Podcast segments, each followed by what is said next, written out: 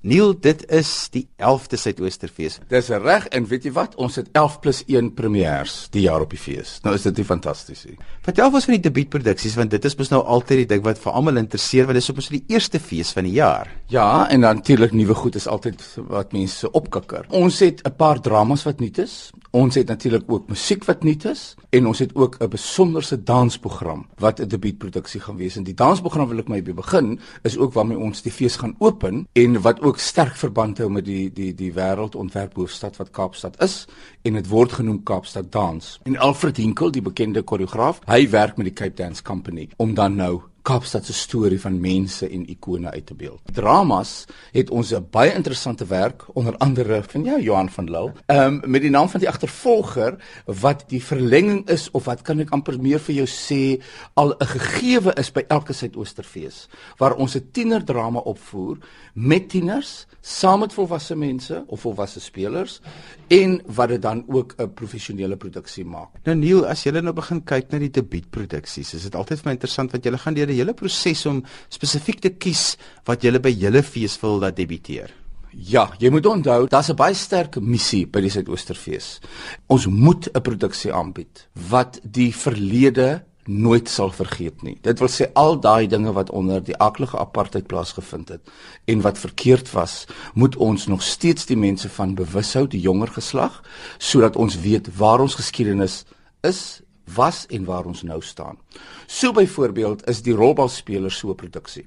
Nou die rolbalspeler is geskryf deur 'n blinde man, um Zane Eckleton en dit is semi-gegrond op sy eie lewe, maar dit is 'n ontsettende rolmodelstuk want hy het uit die woonbuurt van die Kaapse vlakte uitgestyg as 'n blinde man, matriek gekry, gaan werk by Soutrivier en mandjies gevleg, getrou met 'n wit vrou wat jy weet selfs in daai jare nie moontlik was nie en so 'n suksesvolle Springbok rolbalspeler geword het.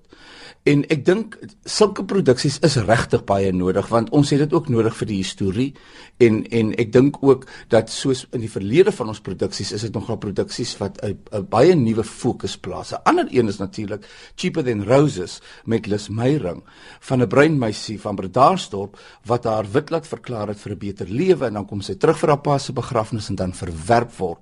En wat interessant is daar is dat daai stuk was geskryf vir Lis Meyring deur Ismail Mohammed in 1994. So sy staan op die stasie en is net voor die verkiesing en daar's 'n baie groot uh, poster van Nelson Mandela en sy voer letterlik 'n uurlange gesprek met hom. En nou te meer is die stuk nog relevant, né, as gevolg van van die feit dat ons ikoon oorlede is.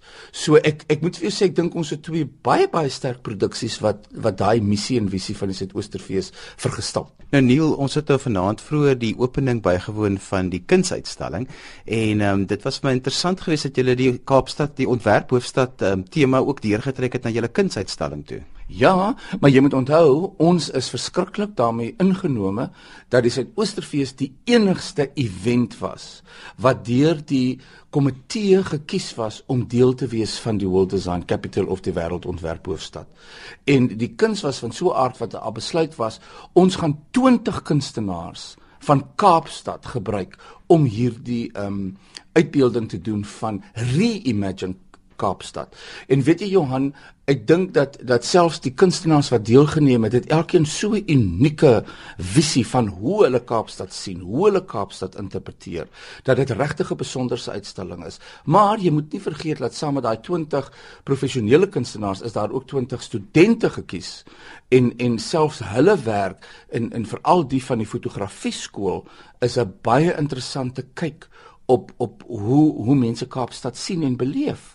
En wat nog verder interessant is is jy moet onthou dat daai rame wat gebruik is was verlede jaar op ons fees by die Breiten Breitenberg uitstalling. Toe sy terug Frankryk toe met van die werke uh van die werke alleen sonder die raam en ons het vir die kunstenaars daai rame gegee en gesê nou maak julle nou vir ons in hierdie raam soos julle dit nou beleef die stad. In die begin van 'n kunstefees is daar altyd so opgewondenheid en ons is nou juis vanaand hierso waar daar 'n groot opgewondenheid is want al die nuwe goed wat gewys gaan word. Maar daar's altyd laatslapers onder ons luisteraars wat besluit het maar o, gits, ek gaan nog bespreek, ek gaan nog bespreek. Wat is die produksies wat jy sê hulle moet sien? Ja, ek wil net vir jou terugverwys na die laatslapers. Jy weet nou, my naam is Ellen Pakkies is by ons vir die derde keer op die Suidoosterfees. Bloot as gevolg van laatslapers. Want dan het ons ons laaste produksie vir hierdie jaar gehad, dan staan daar nog 120 mense wat byvoorbeeld dit wil sien. En jy weet een van ons groot probleme is vir al die nuwe debuutproduksies is dat hy word opgevoer, dan hoor mense hulle moet dit nie mis nie. En omdat ons nou net so 'n week lank is en basies letterlik net drie opvoerings per opvoering het, dan is hulle te laat vir die vir die eerste of die tweede produksie. Maar geen produksie is nog vol bespreek nie, so daar is nog regtig baie plek vir mense om te kom. Ehm um, maar ek weet uit ondervinding dat uh, in die week van die fees gaan mense begin bespreek en besef hulle moet nou kaartjies kry. So ek dink die luisteraars moet regtig spring en hulle kaartjies nou koop. Nie ons onderhoud by af te sluit. Dit is 'n 20 jaar van demokrasie. Van ons eerste feeste is ook vir jaar 20 jaar oud. Kom ons praat oor die Suidoosterfees. Wat het die Suidoosterfees gedoen en waarheen is die Suidoosterfees op pad? Daar's een ding wat die Suidoosterfees gedoen het wat geen ander fees nog reg gekry het nie. En dit is omdat ons regtig weens die voormalige voorsitter professor Jake Scherwel wat ongelukkig oorlede is, 'n baie sterk missie gehad het. En sy beroemde woord wat almal ken was soemloos. En hy het vasgeglo dat ons kan in die Kaap 'n soemlose kunstefees hê. Daai soemloos bedoelende dan dat die rassamestelling van die inwoners van die Wes-Kaap en veral van die Kaap deur die fees uitgebeeld word op die verhoog en ook in die gehoor. Ons is eg Kaaps. Wat daarmee bedoel was is dat ons het voorkeur gegee aan Kaapse mense. Selfs mense wat in Johannesburg nou al werk soos Venet Ibrahim is in wese 'n Kaapse dame. En die, en ons vind ook dat die stories wat ons doen, het ons altyd gesorg dat dit Kaaps is. Vat nou weer die rolbalspeler, dis Soutrivier. Vat byvoorbeeld Cheaper Than Roses, dit bly Wes-Kaap. En ook selfs met ons singers, ons sal altyd sorg dat ons dat ons Kaapse mense voorkeur gee weer hierdie jaar. Talie Petersen se kinders in die Jaloers Bokkies, hulle gaan vir ons kom optree. Dit is die sukses van die fees. In vorentoe voel ek dat die die Suidoosterfees behoort nog groter te gaan om selfs nog venues, jy weet ons sit in Bellville met met die lieflike venues, ons sit in Q-Town met baie nice venues, ons sit nog met die Baxter Theater dat 'n mens letterlik die Suidoosterfees so kaaps maak dat hy alle venues kan gebruik. Maar daarvoor het 'n mens baie geld nodig.